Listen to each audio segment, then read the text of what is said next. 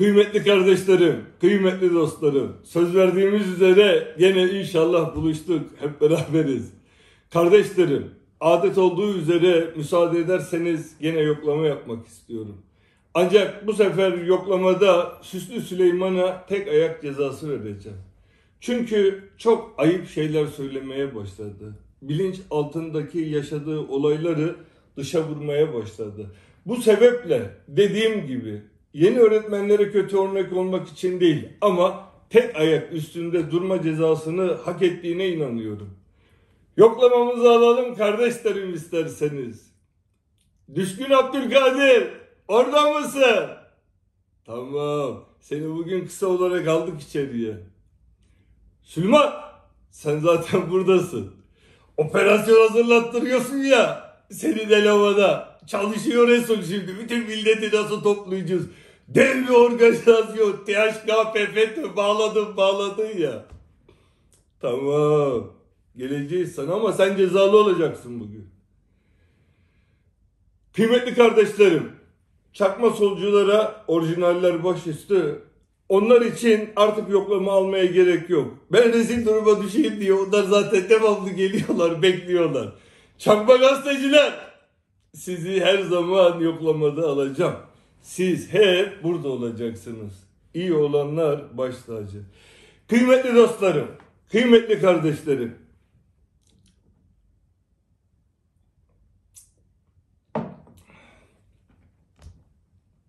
Bizim Süleyman, Süslü Süleyman, Aslan Süleyman biliyorsunuz bir kadın iç çamaşırları olayı ahlaksız. Makamı hariç, makam kutsal. O hariç. Ondan sonra da çocuk pornosu olayını çıkardı. Ya bir insan ben yüz bin sene düşünsem bir örnek verirken aklıma çocuk pornosu gelmez. Freud psikanaliz temel ilkelerinde bilinçaltının dışa vurumu diye bunu inceliyor. Şimdi Abraham Maslow'un humanist psikolojisindeki anlatmış olduğu tedavi sistemi Süleyman'a uygun değil. Çünkü Süleyman bir an önce müdahale edilmesi lazım ve sorunun üstüne gidip bir an önce o sorunla yüzleştirmemiz lazım. Süleyman, bundan sonrası bana doktorum diyeceksin. Biz seninle artık ahiretlik olduk. Vallahi beni cennete koysunlar. Seni cehenneme koysunlar ben diyeceğim ki olmaz. Ben Süleyman'ın yanına gitmek istiyorum. Allah'ım yüce Allah'ım. Bana lütfen izin ver. Artık en sonki programda söylediklerinden sonra bizim seninle ayrılmamız mümkün değil. Süslü Süleyman. Kardeşlerim, yanlış anlamazsanız size de bir şey söylemek isterim. 40 yaşından küçük olan kardeşlerim. Bence sizin bir sorununuz var. Televizyonlarda gördüğünüze inanıyorsunuz. İnanmayın dedim. Şimdi ben anlatıyorum bana inanıyorsunuz. Ben bana da inanmayın dedim. Çünkü şundan dolayı bu dünyada değişmeyen bir güçlem vardır. O da şöyledir. Bir insanı korku öldürür, şüphe yaşatır, cesarette başarıya götürür. Şimdi siz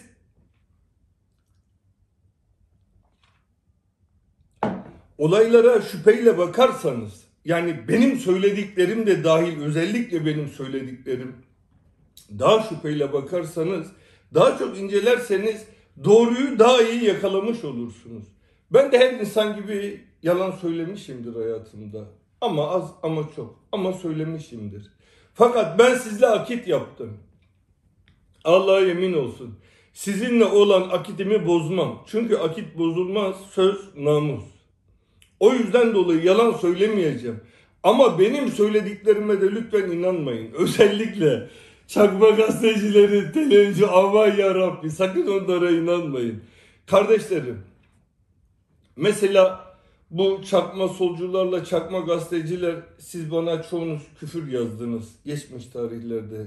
Tahmin edebiliyorum. Orada size dediler ki muhalifleri öldüreceğim dedi. Muhalifleri bayrak direklerine asacağım dedi. Muhaliflerin oluk oluk kanlarına akıtacağım dedi. Mesela onlara şunu söylemenizi isterim.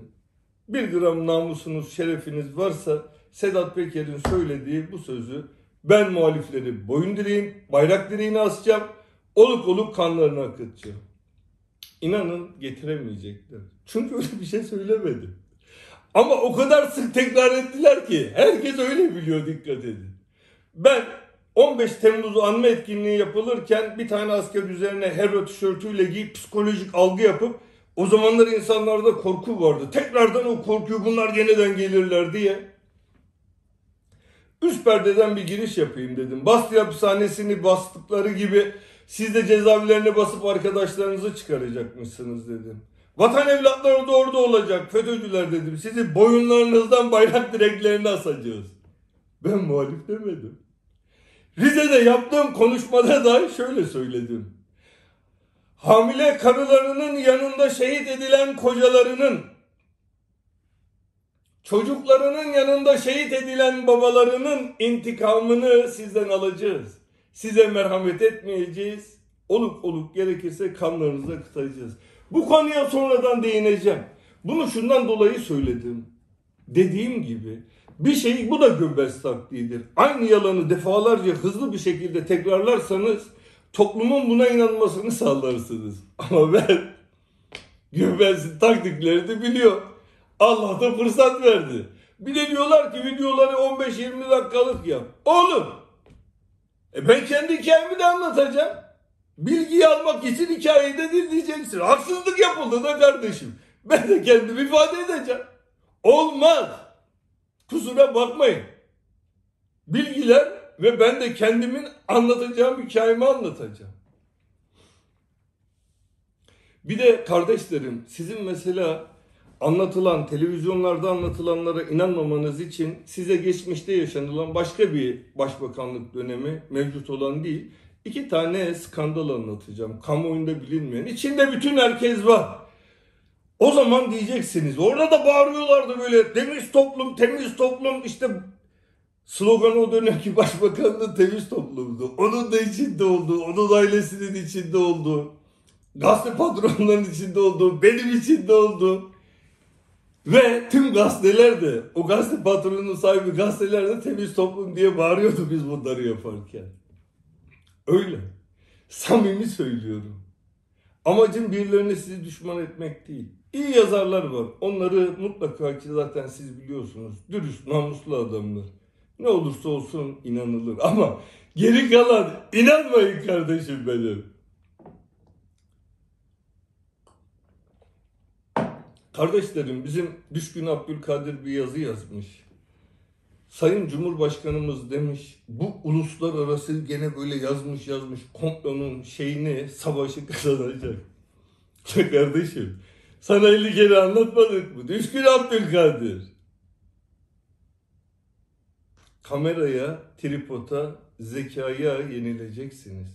Ama benden önce, benden önce Yüce Allah'a yenileceksiniz.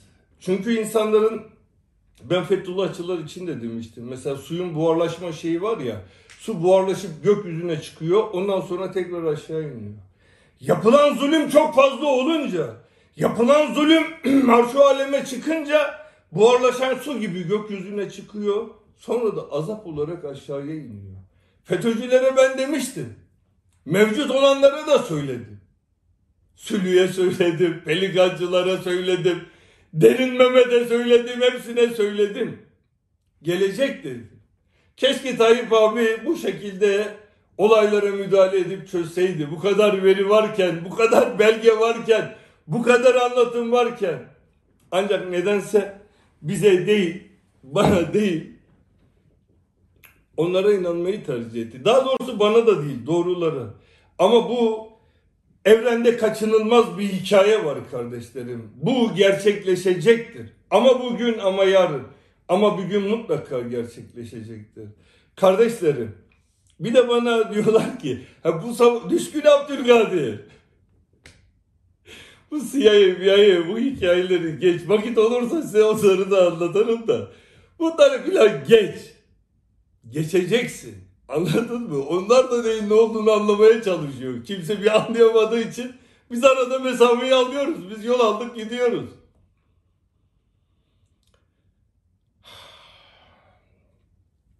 Bir de benim için şey yazıyorlar. İşte Filistin'de olaylar oldu destek vermedim. Ben elimden geldiğince destek verdim ama destek verdim derken şöyle. imgelerle bunu desteklemeye çalıştım. Ya vallahi aşkına kendimizi neden kandırıyoruz? Şimdi kendimizi kandırmanın ne alemi var? Azerbaycan'da olay oldu. Azerbaycan'a siyaları yolladık. Yollamadık mı? Yolladık. İyi de yaptık. E, Katar'da sorun oldu. Katar'a ne yaptık?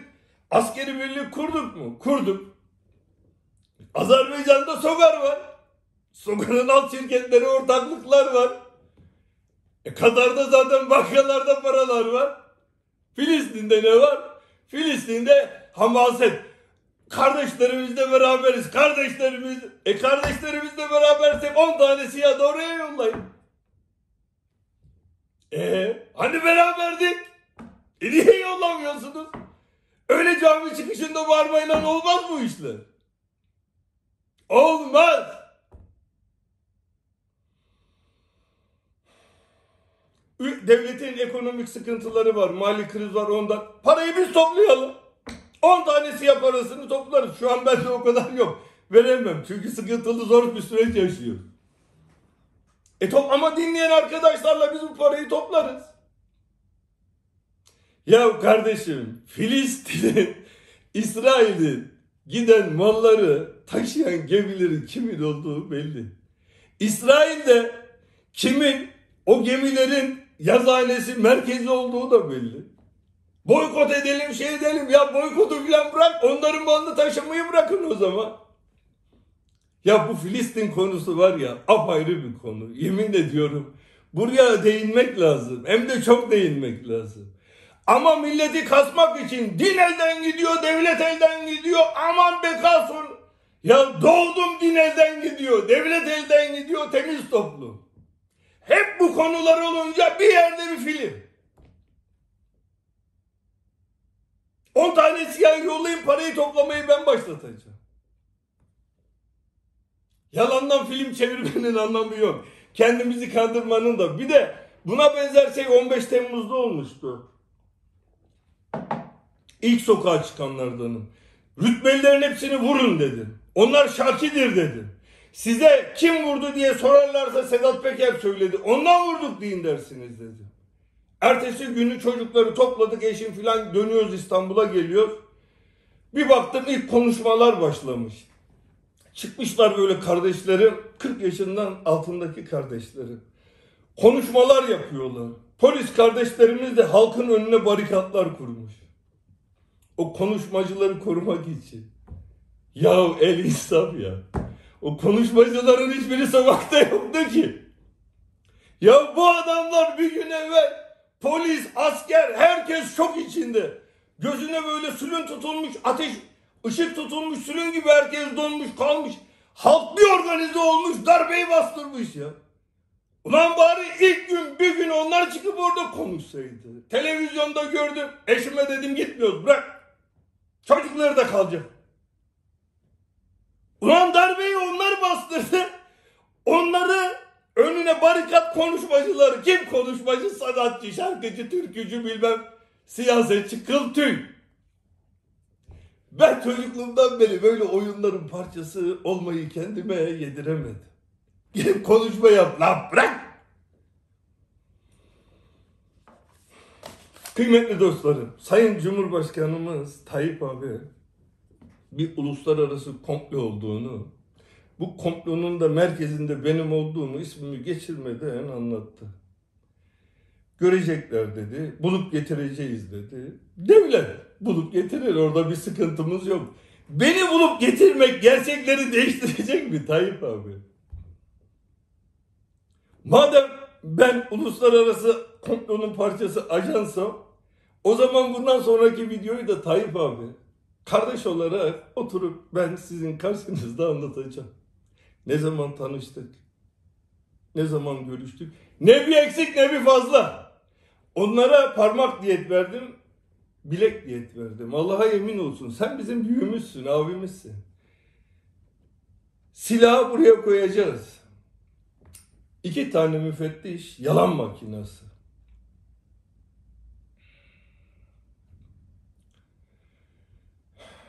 Yalan makinelerinin yüzde bir buçuk yanılma payı var. O yüzden mahkemelerde kullanılmıyor. O yüzde bir buçuk da Ben doğru söylesem makine ötse de kafama gene sıkacağım. Anlatacağım. Madem ki ben ajanım abi, ajan oldum. Ya bir özür bekledim abi ya. Ya bütün olanları anlattık. Bütün her şey ortada. Bütün bunları halk biliyor. Sana anlatmıyorlar. Bir sen bilmiyorsun. Çevreni sarmışlar. Bir sen bilmiyorsun abi. Geri kalan herkes biliyor. Asla saygısızlık içerisinde olmayacağım. Yaşadığım sürece sana karşı abi. Ancak sen görmek istemiyorsan ben vatan haini olarak anılmak istemem. Ben vatan haini değilim. Bunu en iyi sen biliyorsun. Senin hiçbir gücün yokken ben vardım. Onların hiçbiri yoktu. Alkış beklemedim, ön planda olmadım. Elimden ne geliyorsa onu da yaptım. Bir dahaki videoda konuşacağız Tayyip abi. Beraber baş başa. Abi kardeş, insanlar dinleyecek. Açık delillerle bir de normal bilinmeyen delillerle de anlatımlarını doğrulayacağım. Helalleşeceğiz abi. Ben ama ajan değilim. Bunu tüm dünyaya göstereceğim.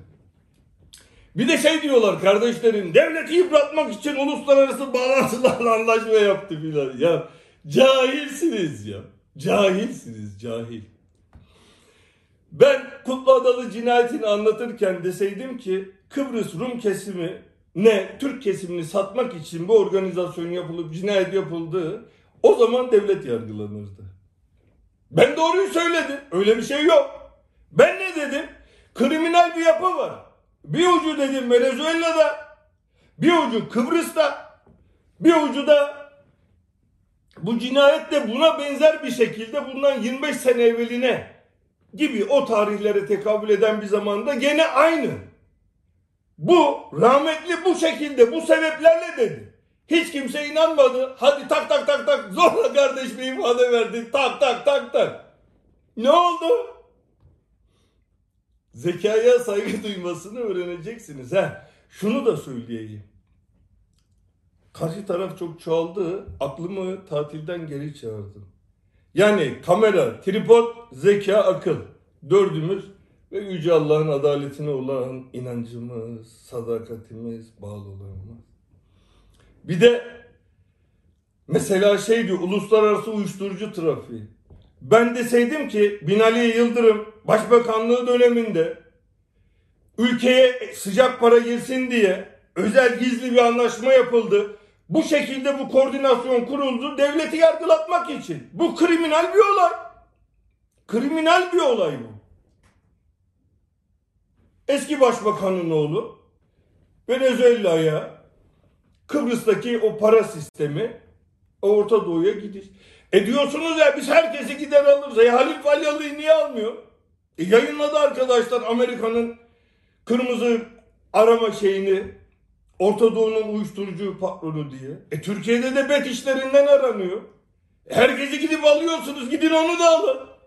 Ama onda kasetler var. Herkesi çekmiş o da. ben Halil'den öğrenmedim. Ben bir de öyle kaset yayınlamak falan değil. Namuslu adamın kasetini yayınlamam. Adam çıkıp derse ki bu anlatılan doğru. Niye yayınlayayım? Sapık mıyım ben? Teşhirci miyim? Ama beni boşa düşürecek. Beni böyle bir şey varsa şerefsiz. E o zaman ben mi şerefsizim? Olmaz. Olmaz. Ben kendimi size mahcup ettirmeyeceğim. 40 yaşına kadar olan kardeşlerim. Sizi de beni dinlediğiniz için başkalarına karşı mahcup duruma düşürmeyeceğim. Bir de Kıbrıs'taki Kutlu Adalı cinayeti zaman aşımı demiştim. Uluslararası hukuku, bizim iştahatları, infaz kanunlarını falan inceledim. Şöyle bir şey var.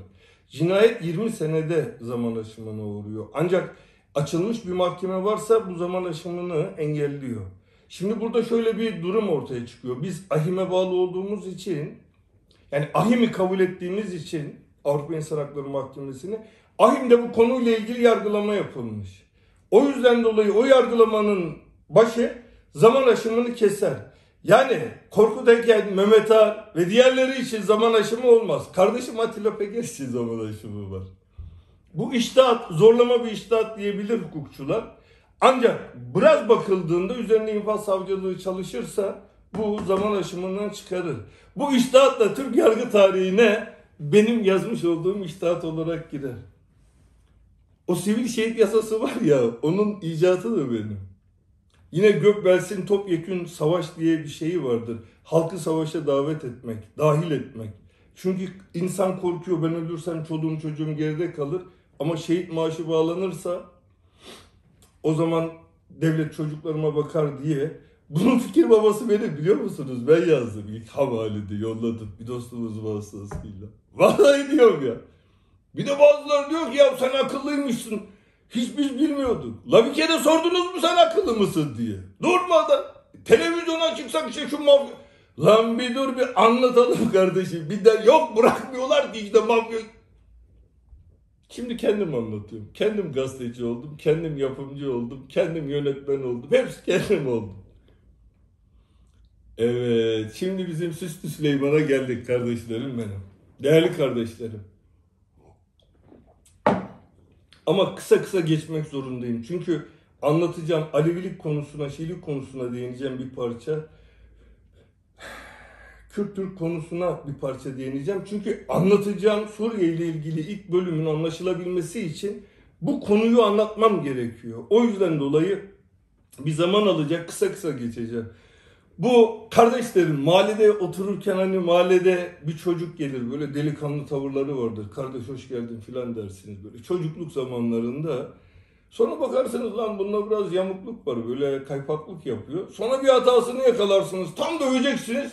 Hemen bağırmaya başlar. Lan sen annenin kız kardeşini parmaklamadın mı? Sen ona işte küfür etmedin mi arasına filan? Lan öyle mi yaptın filan? Bir bakarsın bu arada tak yürür. Bunlara kaşar denir. Mahallenin kaşarı. Makamı hariç. Ya Allah aşkına doğru söyleyin ya. Bak Allah'ın adını verdim. Ya o televizyon programında görmedin mi ya? Gazeteciler ikişer dakika konuşmuş. Öyle dedi böyle dedi soru soracaklar. Tak onu yaptı tecavüzcü falan. Lan aradan yürüdü gitti. Sülü. Cezalısın. Senin doktorunum. Seni tedavi de edeceğim. Bu ya hani saydı saydı saydı kaçtı gitti ya. Erhan Tuncer'in diyor orta. Ya bir adama demezler mi? Namus sahibiysen açıkla. Hangi nerede ortakmışız? Biz bu adamla nerede resim çekilmişiz? Nereye düşündüm ya? O kadar emin söyledi ki ben bile şüpheye düştüm. La biz bu adamla devamlı görüşmüş müyüz? Ne yapmışız biz bu adamla yok? Benim arkadaş da beni tanımaz. Ben de onu tanımam. Ya bir samimiyetliğimiz yok. Ya dedim belki bir kere bir yerde görmüş müyüm falan onu da zorladım çıkaramadım. Ama orada Erhan Tuncer işte layık kesimin çok hassas olduğu konu Danıştay cinayeti. Ha bu adam karışık adam. Hani o mahallenin kaşarları anlattım ya biraz evvel. Tak aradan girecek ya kafaları karıştırıyor. Bir de DHKP'li bir tane e, ablası DHKP'liymiş. O DHKP'den bana bağlantı kurmuş. Sonra Nurettin'den de FETÖ'ye bağlamış olayı. Benim koruma kararım. Ya vallahi İçişleri Bakanlığı makamında bir deli oturuyor. Ben size söylüyorum. İnanmıyorsunuz. Ben şimdi desem ki Nurettin diye birini tanımıyorum. Kimse aksini iddia edemez. Çünkü telefon konuşmam yok, resmim yok, hiçbir şeyim yok. Ona araba vermişim. Ben Nurettin'i tanıyorum.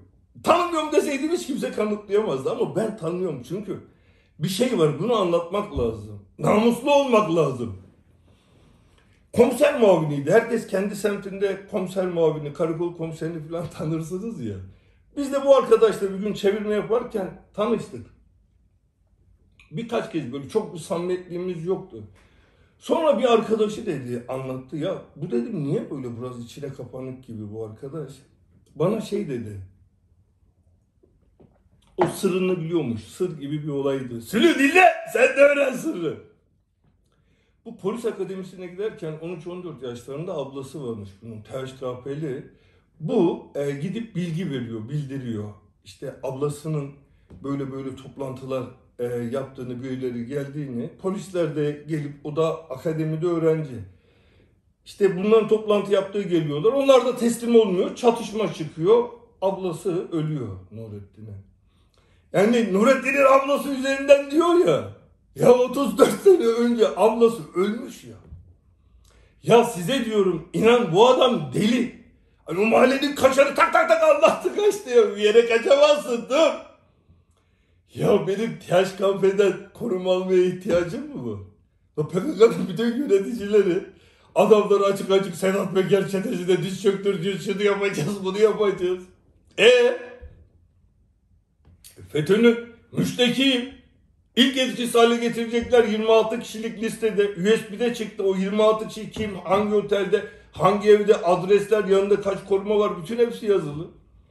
Benim THKP'nin tehdidi diye korumaya mı ihtiyacım var? Bir de diyor ki biz ajan diye yerleştirdik. Yalan! O da yalan. Ya ajan diye yerleştirdiysen benim dosyada niye bu koruma polislerinin ifadesi yok? Ajansa ifadesi olması lazım. Ya harbi mahallenin kaşarısın sen arkadaş. Sen nasıl bir adamsın ya? Ya efsanesin diyor. Kur'an çarpsın ya.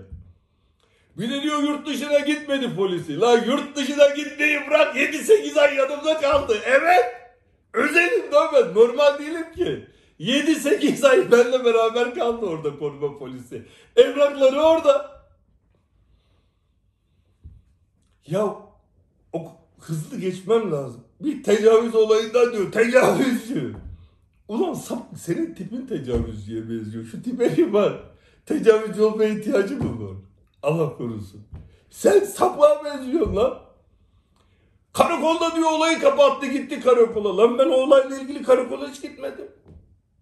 Savcılığın daveti üzerine savcıya gittim.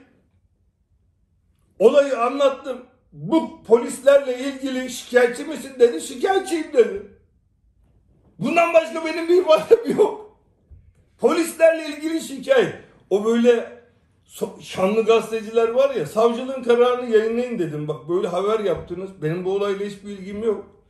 Onlar ne dediler biliyor musunuz? Biz dediler yayınlayamayız ama isterseniz ilan verin. Ya 100 bin dolara yakın paramı aldılar. Olayı onlar ayrı soygun çok ya.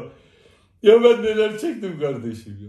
Bir de bu tecavüz olayında diyor ya böyle böyle diyor bak teşhis etmiş. Ya karakolun içinde bir tane kalpazan varmış.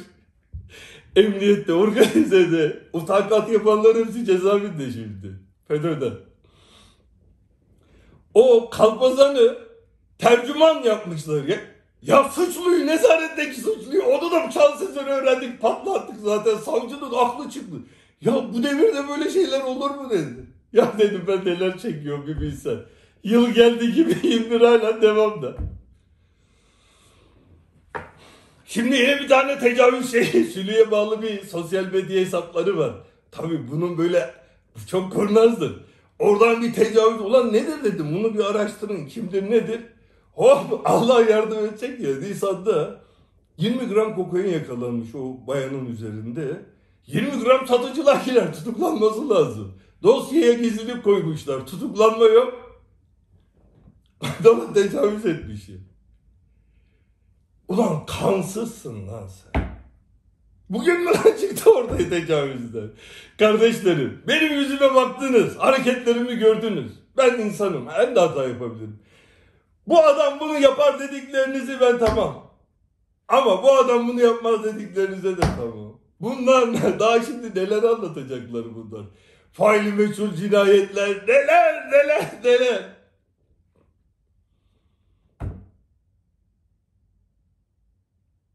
Tuvalet de yasak. Gitmeyeceğim. Bir de FG plakalı arabaya biniyormuşum. Ya bir tane bir arkadaş vardı. Ben dedim ki ya bu deli mi nedir? Hep aynı şeyi diyor ya. Ben cezaevinden çıktığımda araba kiralamıştık dedim. Ya arabanın plakasıyla mı ilgileneceğim? Yüz bin tane derdim var. Ya dedim bir de araba kiralık olmasa ne olur kardeşim? Her FG plaka olan Fethullahçı mı? Manyak mısınız dedim ya. O zaman abi olanları da Abdullah Öcalan'cı diye tutuklayın. Sonra birisi bir mesaj yazmış. Abi diyor Beykoz'da diyor ruhsatlar verilirken o arabanın tarihinde FG plakalıydı bütün arabalar diyor. Siz delirmişsiniz. Bu yaptığınla Fethullahçılara hizmet ettiğini anlıyor. Fındık kadar beynin var Cumhurbaşkanı olmaya kalkıyorsun lan. Beynin yok. Lan bu ülkede devlet aklı olan bürokrat kalmadı mı? Buna niye anlatmıyorsunuz?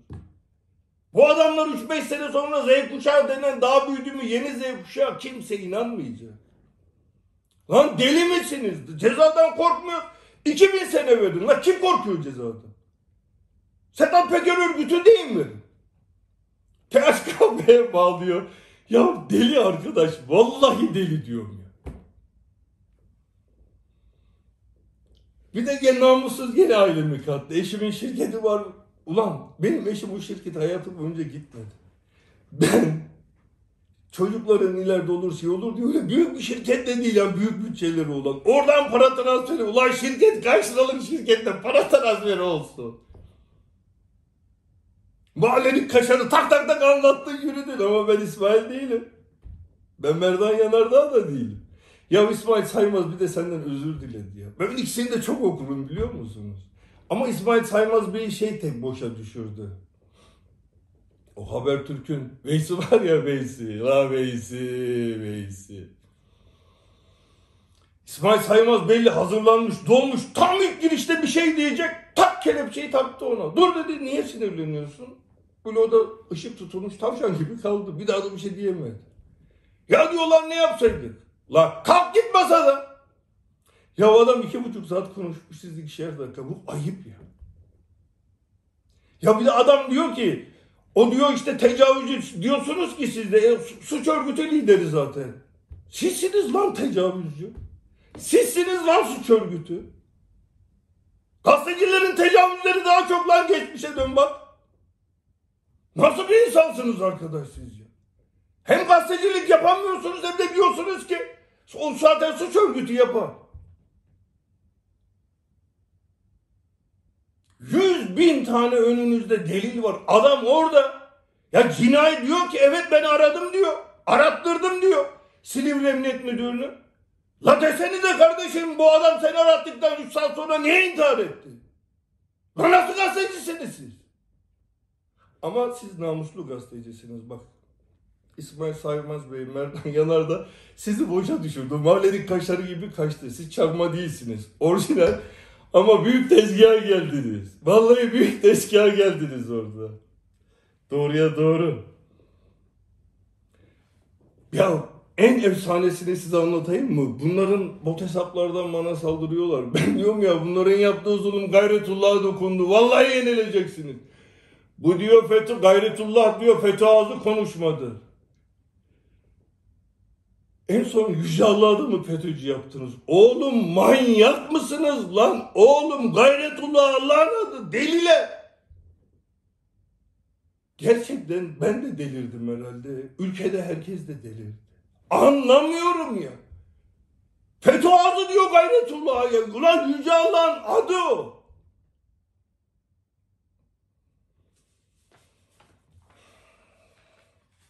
Bir de diyorlar ki Sedat Peker'in yüzde onu anlattığı doğruysa bile büyük vayım. La parmağımı keseceğim, kolumu keseceğim. Enayiye benziyor mu? Bak şu tipe mi ya? Ben saf mıyım lan? Lan hepsi doğru diyor size. Siz yeter gazetecilik yapın gidin. Lan delilleri verdim. Ya orada ya sadece şunu sorsanız. Sedat Peker bahsettiği Çevre Şehircilik Bakanlığı Genel Müdürlüğü'ndeki kişinin belgesini yayınladı. FETÖ örgütünden hakkında soruşturma olduğuna dair. Soru 1.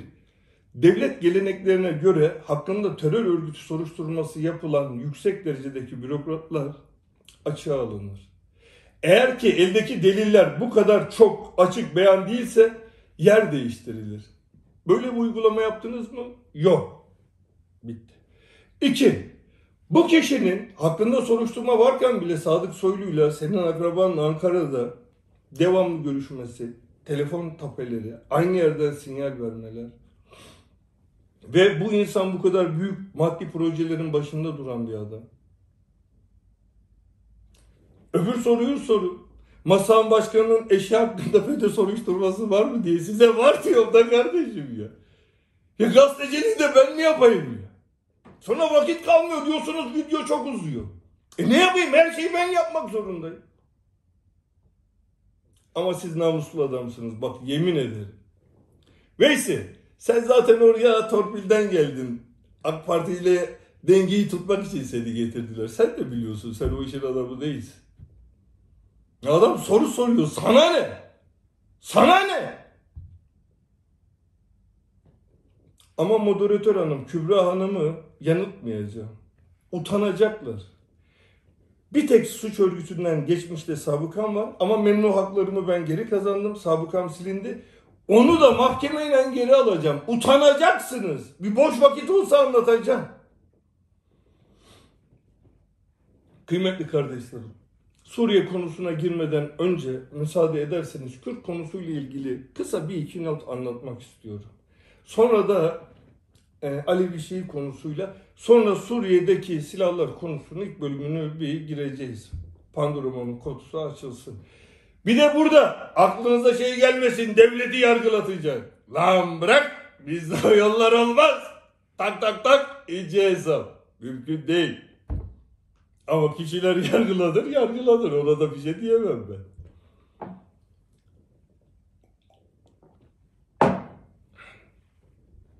Kıymetli kardeşlerim, aslında Kürt sorunu, Alevi sorunu bu ülkede liderlerin, güç sahiplerinin kullanmak için ellerindeki en iyi argüman. Din konusu keza gene aynı.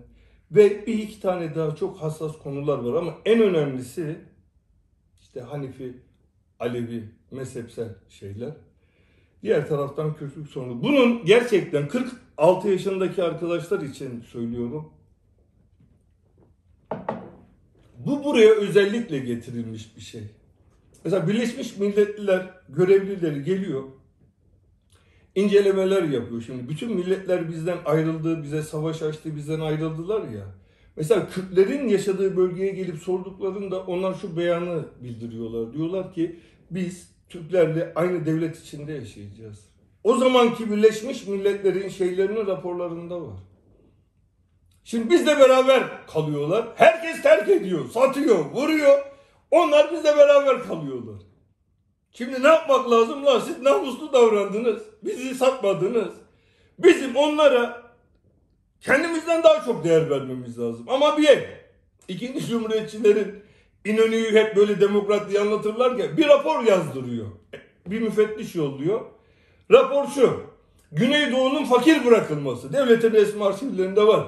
Yoksa bunlar ayaklanır. Bunu yazan ya aptal ya da birileri yazdırmış beyinsiz. Ya varlıktan bolluktan kim ayaklanmış ya? Tüm isyanlar fakirlikten, açlıktan, sefaletten çıkar. O rapor uygulanıyor. Bireysel isyanlar olmuş mudur? Olmuştur. Bugünkü PKK da bireysel isyandır. Halk, Kürt halkı asla yapmamış. Size bu Abdullah Öcalan'dan da biraz anlatacağım. Var ya o. O. Çocukken biz Karadeniz'de büyütürlerken bizi Kürt düşmanı olarak büyütülürdük. Onlar da mesela Karadenizleri sevmezler. Biz böyle çocukken hep Kürtlerle ilgili hep bize şey yaparlardı. Benim şahsım annem böyle bilge bir kadındı.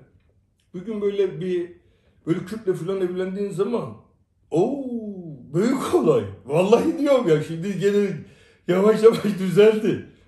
Bir kadın genç bir kız geldi. Ben çok ufağım o zaman. 6 7 8 yaşlarımda işte anneme Meryem anne diyor.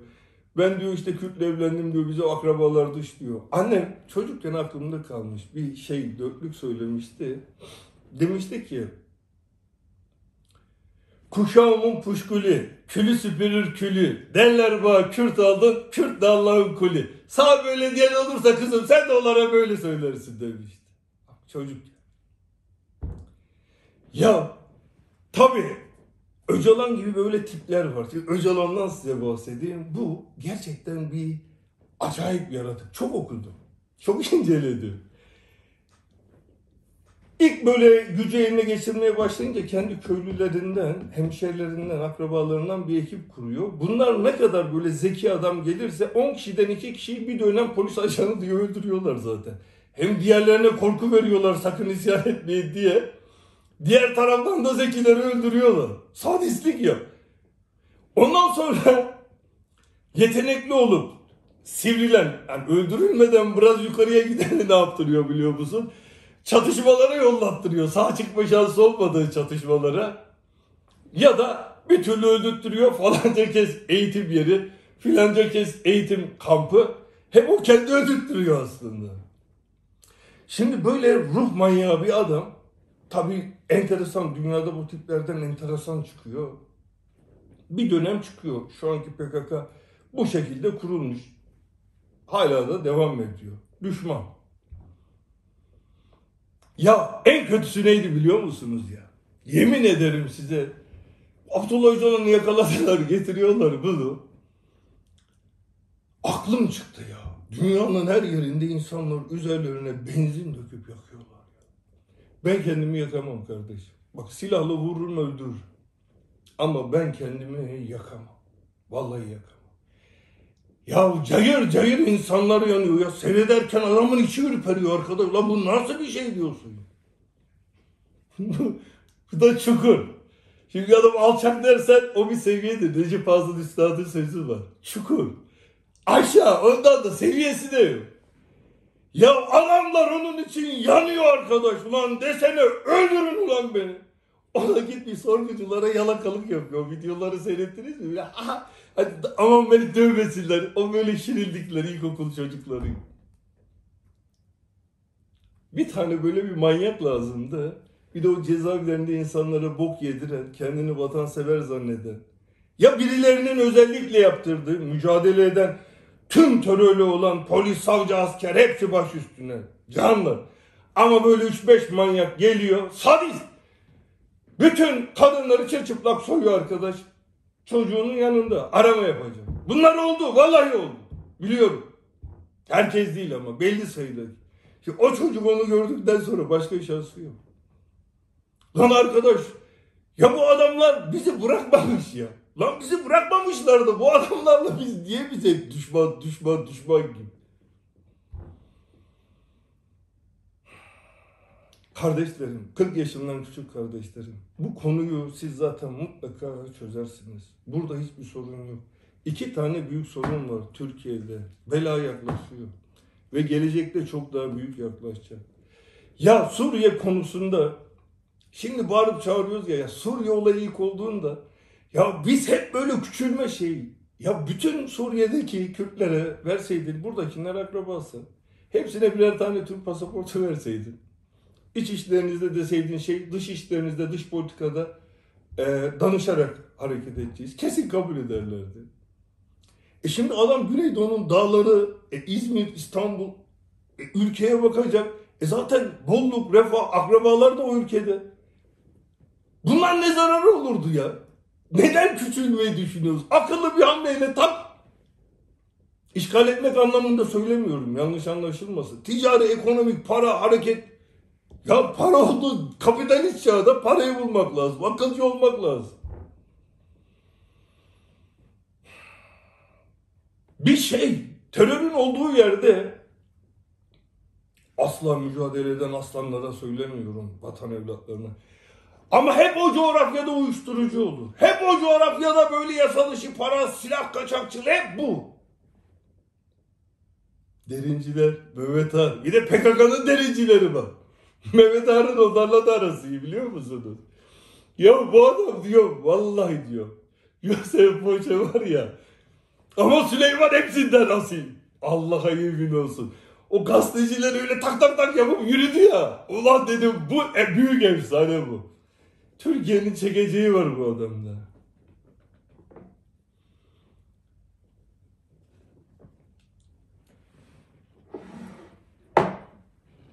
Kıymetli kardeşlerim, kıymetli dostlarım, Alevilik konusuyla ilgili de biraz değinip ya bunun çözümü de çok basit. Sadece ana başlıklarla bunları şundan vermek istiyorum.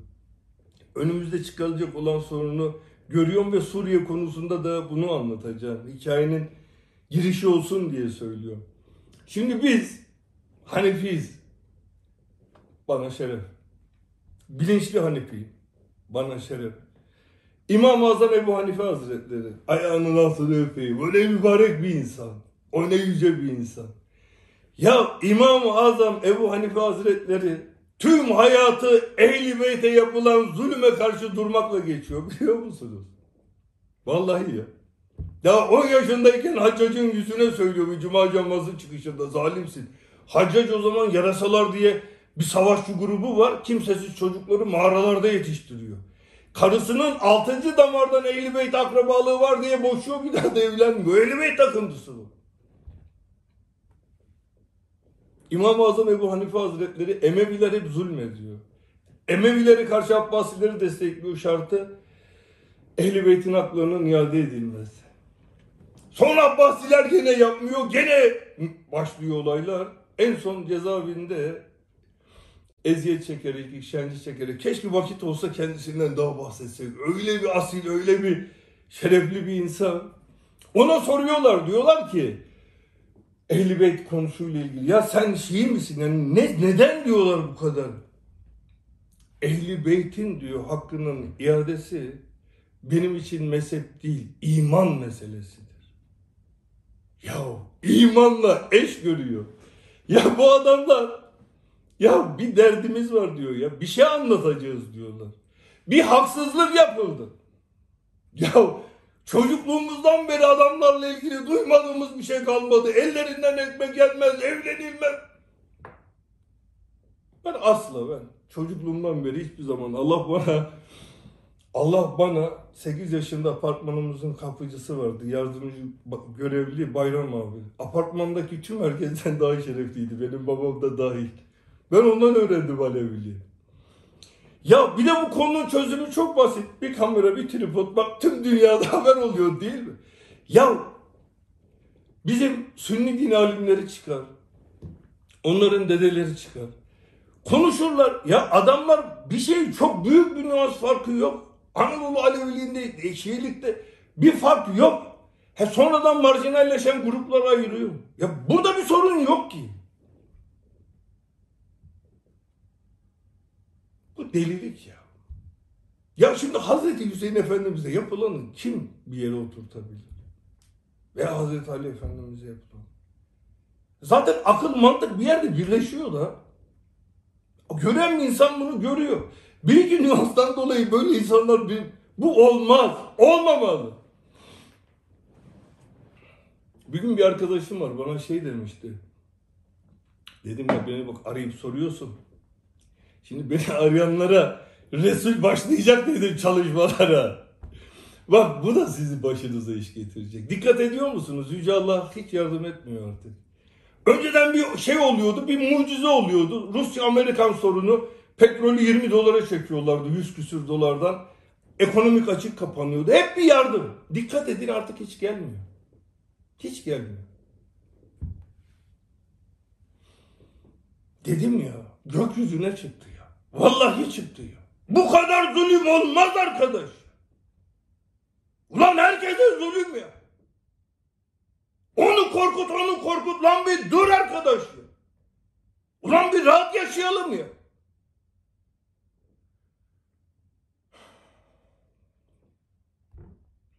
Ya bir tane kral yok ki 20 tane padişah geziyor ülkenin içinde. Padişahım çok yaşa, padişahım çok yaşa. Tamam. Ama bizim atalarımız ne yapmış? Dünyayı yönetirken padişahım çok yaşa yapmış. Sonra da demiş ki cuma hutbelerinden sonra böbürlenme padişahım senden büyük Allah var. Var. Siz her şeyi bilemezsiniz. Allah bilir. Her şeyi biz biliyoruz. Bilemezsin kardeşim. Bilemezsin. Bir tripod bir kameranın başına bela açacağını bilemediğin gibi. CIA var. Birleşik. Bütün herkes aslında var ya şokta samimi söylüyor. Kırmızı bülten dünya başkanlığı diyor. Ne yapacağını bilmiyor. Şimdi olay dünya masasına da düştü ya. Tabii. Buradaki ülke bilmiyor. Hiç kimse ne olacağını bilmiyor. Aikido vardır kıymetli kardeşlerim. Çok iyi bir spordur. Burada kendi enerjini harcamadan tüm standartlar düşmanın yapmış olduğu hamlelerde harcadığı enerjiyi kullanıp esnek hareketlerle düşmanı tamamen etkisiz hale getirmek. Hayat böyle bir şeydir. Elde imkan yok. Üzülmeyeceksin. Onların benim hakkımda ne düşündüğü önemli değil. Siz sakın böyle düşünmeyin. Çünkü yani ulan böyle bir şeyler yapabilmek için ile siyah o lan gerek yok. Bura bir de bura zeka, akıl. Bitti. Siz yüz bin katı daha iyisini yaparsınız. İnan. Vallahi diyorum, billahi diyorum. Biz bize yeteriz. 84 milyon insan biz bize yeteriz. Sonrasında biz dünyaya yeteriz. Vallahi yeteriz. E geçmişte yetmişiz. Tarih boyunca bilinen dünyanın ya dörtte üçünü ya yarısını biz yönetmişiz. Ya gidip oraları işgal edelim için demiyorum yani öyle bir şey değil. Yeni dünyayı yakalarız akılcılıkla.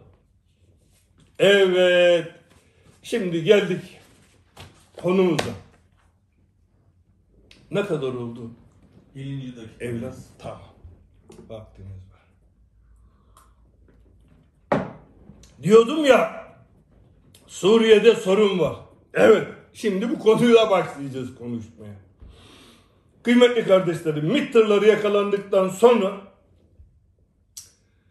benim kendi kafamda şöyle bir şey oluşmuştu. Biz oraya hem toplumun duygularını yükseltmek hem de oradaki kardeşlerimize yardımcı olmak için bayır, bayır, bayır bucak Türkmenlerine, diğerlerine nedir? İnsansız hava aracı, işte kıyafetler. Ama çok fazla sayıca bunlar oradaki tüm savaşçılara yetecek kadar. Telsizlerden tutun, çelik yeleklerden, onlar bunlar tırlarca. Bu projeyi düşündük. O milletvekili arkadaşımızla da konuştuk. O milletvekili arkadaşımız da düşünceyi aldı. iletmesi gereken yerleri iletti. Tamam. Sonra dediler biz ek tırlar verelim. Sizin tırlarla işte beraber işte bizim tırlar Sedat Peker yardım konvoyu diye gidiyor. İşte basına da resimler veriyoruz. Halkı şey yapıyoruz. Bütün hepsi, tüm ekipmanları yolluyoruz. Ama benim adıma giden diğer araçlar var.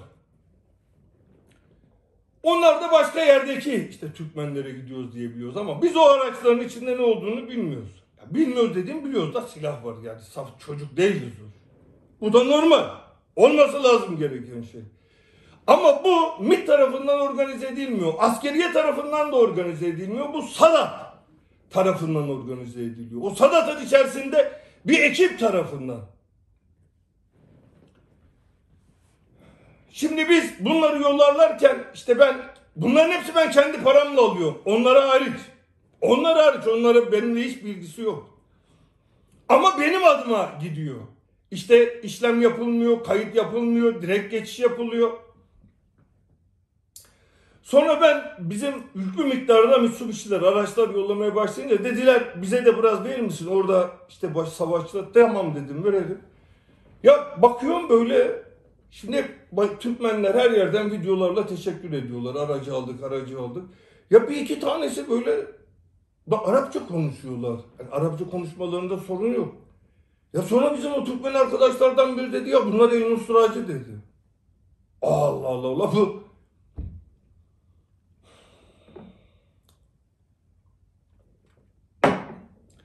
Bizim diğer arkadaşlar da bana diyor ki ya bu gidenler Ehl-i gidiyor diyor. Evet. Benim üzerimden gidiyor. Samimi yapıyorum. Ama ben yollamadım. Sanatçılar yolladı. Beni küçültmek istediniz değil mi? Göreceksiniz kibrit kutusuna sokacağım hepinizi tüm dünyada. Göreceksiniz. Hem de devleti de yargılatmayacağım. Göreceksiniz.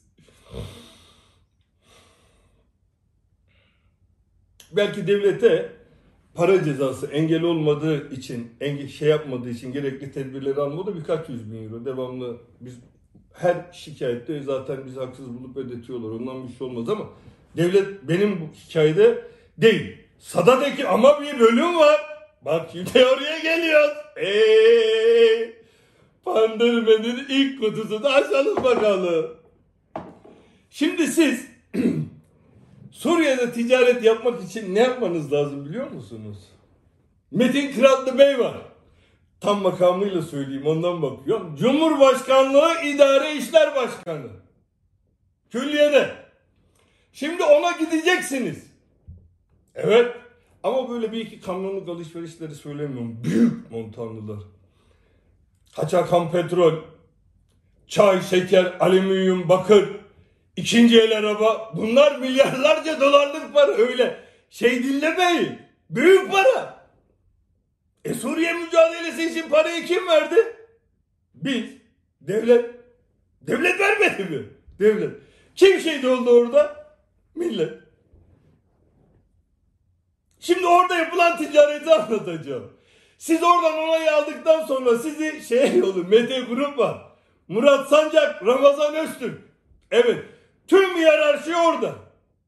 Onların da onayı geçtikten sonra kime gidiyorsunuz? Ebu Endüstra'nın iktisat sorumlusu var. Ebu Abdurrahman.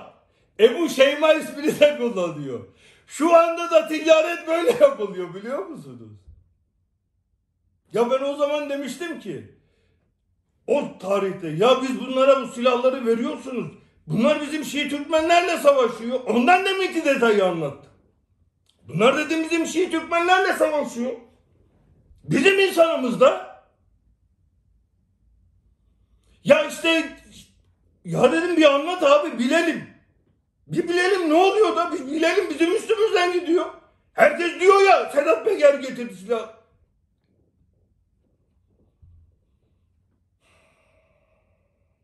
Ya işte yeni bir dengeler kuruyor şöyle. Ya dedim bana anlatacaksınız.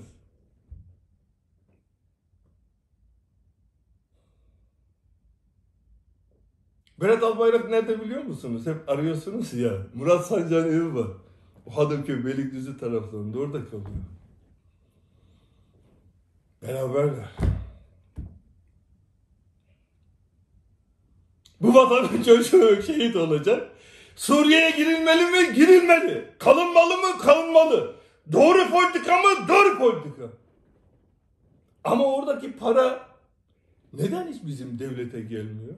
Hala daha da devletten oraya bizden para gidiyor. Biliyor musunuz? Hala daha gitmiyor. Ama orada bir ticaret var. Para kazanılıyor. Hem de büyük, çok büyük para. Ham petrol. Çinko. Çinko demişim. Bakır alüminyum hurdası gibi şeylerdi. Listeye bakmıştım ben. Benim bu anlattığımın haricinde orada büyük montanlı iş yapamazsın. Ya. Mahsuni'nin dediği gibi yiğit muhtaç olmuş kuru sovana. Herkes kendini öldürüyor çocuğunu. Ama anlatan yok, gören yok. Millet dinliyor, bilen yok. Bir hayal dünyasına dalmışlar. Yemin ediyorum. Vallahi diyorum. Milleti korkuturuz. E götürürüz. E bir de usulü var ya Kia demişti ya. Buraya geleceğim de şu Kia'yı anlatayım. Benim Kia var demişti ya. Siz diye bir sorar mısınız? Gazeteciler sormuyor. Siz sorun lütfen. 40 yaşından küçük arkadaşlar. Son 4 senede İçişleri Bakanlığı döneminde bu ülkedeki ne kadar ne kadar ne kadar büyük holding var, kurum, kuruluş var. Hepsi bunun şirketine geçti biliyor musun? Ya bu makam suistimal etmek değil mi? Bu bile suç. Ya sen bu kadar nasıl büyür bir şirket bir anda? Açıklasınlar poliçeyi diyor ya ben poliçe kesince çok mutlu oluyordum. Ben de mutlu olurum Sülüm. Kes poliçeyi gelsin paralar. Evde dev gibi kuruluşlar. NATO böyle paket paket çuval çuval. Biz ahiretliyiz Sülü. Biraz dinle. Benim yakınlarıma böyle operasyon yapacaksın. Resulü takdim vermişsin. Bir de istihbarattan sorumlu ile emniyet müdür yardımcısı İstanbul adamı tüm organizasyonu o yapıyor. Yap. O bakanlıktan ayrılacaksın. O bakanlıktan ayrılacaksın da he? Tasmayı sülü. Üzdüğün her çocuk için, her anne için. Tasmayı boynuna takacağım. Beni buradan alacaklar. Aa, işkence. Ya, ya görmedik mi işkence? Hayatım işkenceyle geçti. Göreceksiniz. Allah'a yemin olsun göreceksiniz. Çok enteresan bir olay yaşadım. Bu Libya'nın, bizim Libya'da bulunmamız çok önemli. Mavi vatan çok önemli. Olmalıyız. Çok enteresan bakın.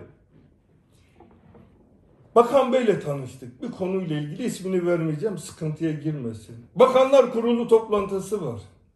Bizim bakanlar işte Saraç Bey onun şeyleri yanında bakanları bu arkadaş o ekipten diyelim. Konuşma oluyor. Konuşma olduktan sonra çok enteresan. Normalde işte diğer bakanlar müsaade isteniyor. Baş başa görüşülecek. Sayın Cumhurbaşkanımız kendisine şu şu şu şu şu ihaleler şu şirketlere verilsin. Tamam. Adam istifa etmişti hatırlıyor musunuz? Niye istifa etti diye herkes herkese sordu. Ben de bilmiyordum. O adam anlattı yeni öğrendim. O ihalelerle ilgili Libyalı adamları veya savaşta bunu destekleyenler biz ne yapacağız diye buna şey yapınca adam pres şey yapıp istifa etmiş. Bakan söyledi. Ben onun yalancı. Bunda diyet yok. Hiçbir yerimi kesmem. Ben onun yalancısıyım. Ama o istifa olayını hatırlıyor. Şimdi Libya'da şehit olanlar kim? Ya niye 5 tane 10 tane aile alıyor bu ülkedeki tüm parayı? Niye halk fakir? Ya bu sorunun bir cevabı olması gerekmiyor mu? Ekonomimiz büyüyor. Maşallah.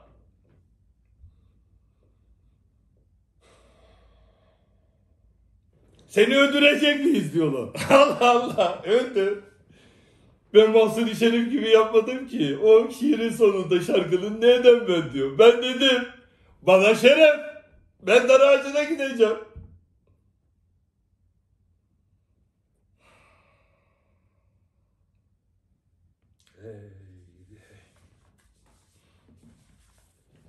Ya bir de kıymetli kardeşlerim ya. Ya diyorlar ya böyle böyle. Ya yemin ediyorum benim akrabam.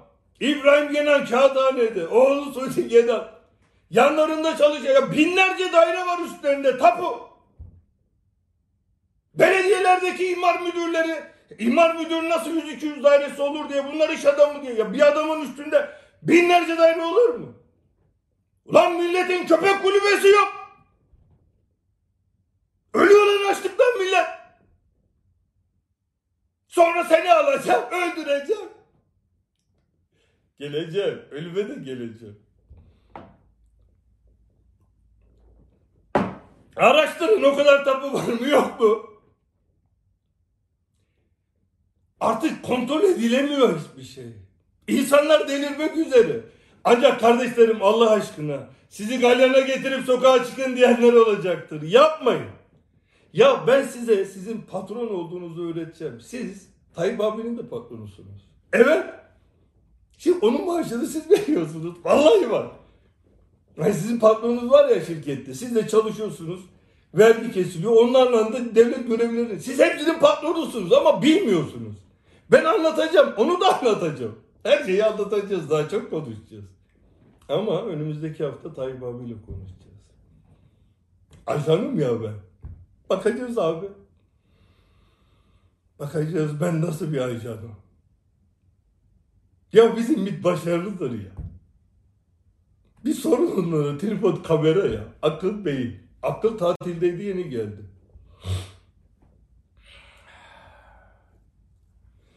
Kıymetli dostlarım. Bir de bir şey anlatmak isterim. Bana diyorlar ki niye yapıyorsun? Vallahi ilk sinirle yaptım. Bir özür bekledim. Haklıyım ya. Ya ondan sonra daha kötü bana şeyleri. Tiki tikine bizim Karadeniz'de ula bir değil tiki tikine gideyim. Öyle mi? Ben de dedim tiki tikine gideyim. Geldik mi buraya? Bana hiç umurumda değil. Vallahi değil. Tek bir şey umurumda olur. Bu hikayelerden devletin zarar görmesi. Onun için de sabahlara kadar okuyorum. Damarlarım çatladı. Kan oturdu. Devlete zarar vermek. La devlete zarar vermek istesem iki kelimeyle tık kitlerim olayım. Kimse seni kanıtlayamaz. Kahpesiniz lan siz. Lan bana neler ettiniz lan siz? Ulan bir ana çocuğu, ulan bir insan evladına yapılır mı lan bu? Suriye'de bu olay var ya. Şimdi Ben bunlara şeyi konusu ondan sonra benim üzerimden yapmayı kestiler. Ondan sonra ben buna şahit oldum biliyorum. Tümlekten benim üstümde. Şimdi ben diyeceğim ya konuşurum diye ben PKK'ya silah satmışım hatırlayın. Tüm sokakta ben PKK'ya silah satmışım diye nasıl bir dedikodu var hatırlıyorsunuz değil mi?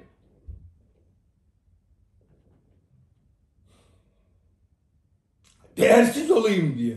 Paracı, suç örgütü nasıl ama Allah beni öldürmedi cezaevine de koymadı anlatıyor.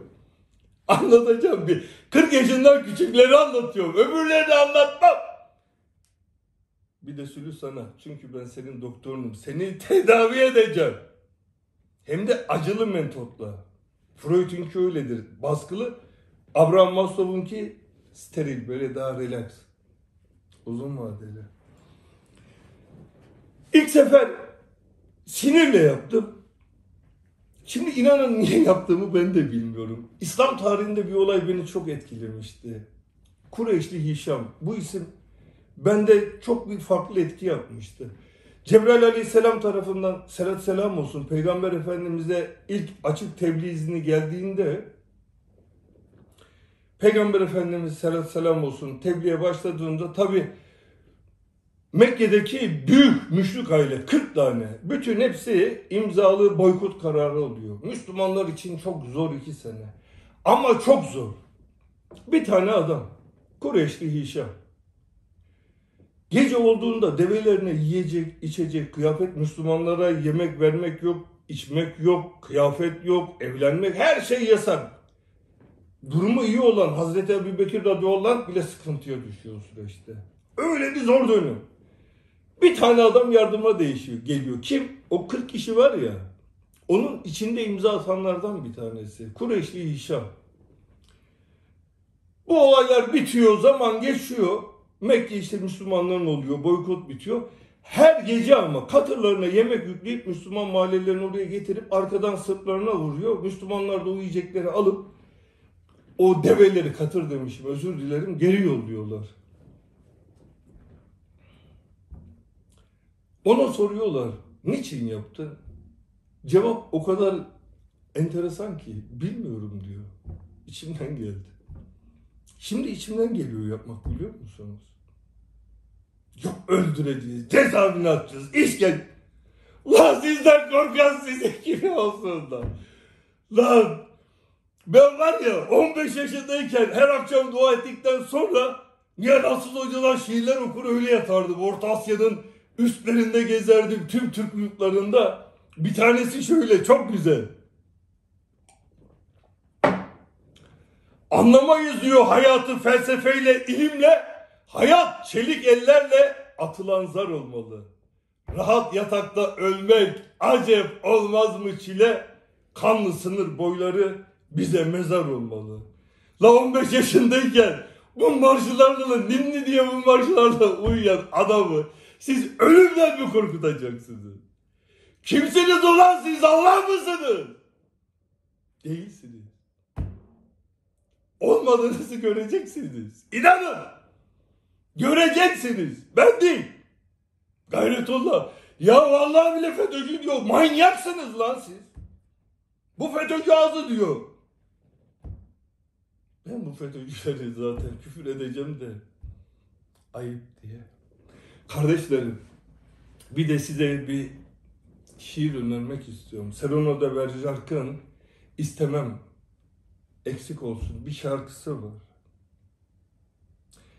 Şiiri var. Onu lütfen ama lütfen dinleyin. Benim sesim ona uygun olmadığı için söylesem çok kötü mantarlarız. Böyle marşlara falan gidiyor. Boru gibi ses var bende. Ama o böyle duygulu. Eğer şiir okumayı sevmiyorsanız onun şeyi de seslendirilmiş halleri var. Orada bir bakan bölümü var, bir de o sırmaşık bölümü var. O ikisini lütfen rica ediyorum. Öz- o iki bölüm beni çok etkiliyor ama hepsini dinleyin. Eğer onu dinlerken içinizde bir şey, lan istemem eksik olsun diyorsa zamanın mekanın önemi yok. Hangi devlette millette yaşadığının önemi yok. Hangi yılda yaşadığının önemi de yok. Sen namus üzere bir adam olursun. Yalak olmazsın, salak olmazsın. Adam olursun. Suç örgütü bile olsan adam olursun.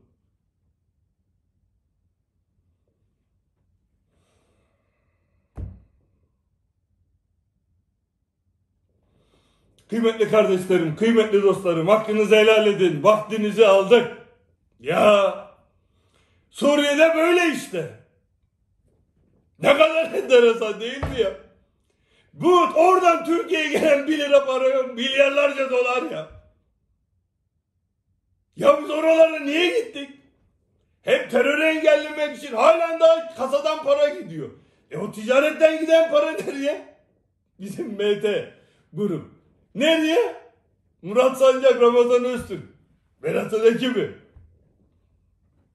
Metin Kıratlı. İdari İşler Başkanı İktisat. Bir de Nusra. Ya bu söylediğimin doğru olduğu açık o. Ben söylüyorum.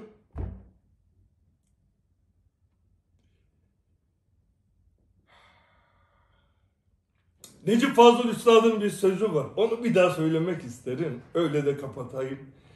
Daha önce söylemiştim. Diyor ki Allah'ın on kulunu bekleye dursun. On kul bir kişiye dokuz diyor. Dokuz kişiye bir kul. Bu taksimi diyor kurt yapmaz kuzulara şah olsa kara mizahla bağlamıştık. Yaşasın milletin anasını ağlatan egomonya egomonya. Ya olmaz ya. Vallahi millet acı içinde, zulüm içinde ya. Yokluk içinde ya. Sonra diyorlar işte devlet düşmanı. Lan bu devletin ağacına zarar vereni ciğerini sökerim ben de. Kıymetli dostlarım, kıymetli kardeşlerim, bu vatanın delileri, bu vatanın fedaileri, bu vatanın serden geçtileri. Vallahi Turan'ı kuracağız. Billahi Turan'ı kuracağız kardeşlerim. Bize gülseler önemsemeseler de onlara göstereceğiz. Serden geçti ne demek? Vatan fedaisi ne demek? Vallahi göstereceğiz kardeşlerim. Kendinize lütfen çok iyi bakın. Dualarınızda beni unutmayın. Sizi tahrik eden olur. Allah aşkına asla sokağa çıkmayın. Kendinizi kullandırtmayın. Bakın ülke karışacak diye insanları korkutacaklar, coşkuyu verecekler. Biraz da tutuklama. Zaten terör örgütlerinin içinde elemanları da var derincilerin. Onlar da kaçacaklar. İyi olan şeyleri de bozacaklar. Yapmayın. Kendinize iyi bakın. Yüce Allah'a emanet olun. Dualarınızda beni unutmayın kardeşim.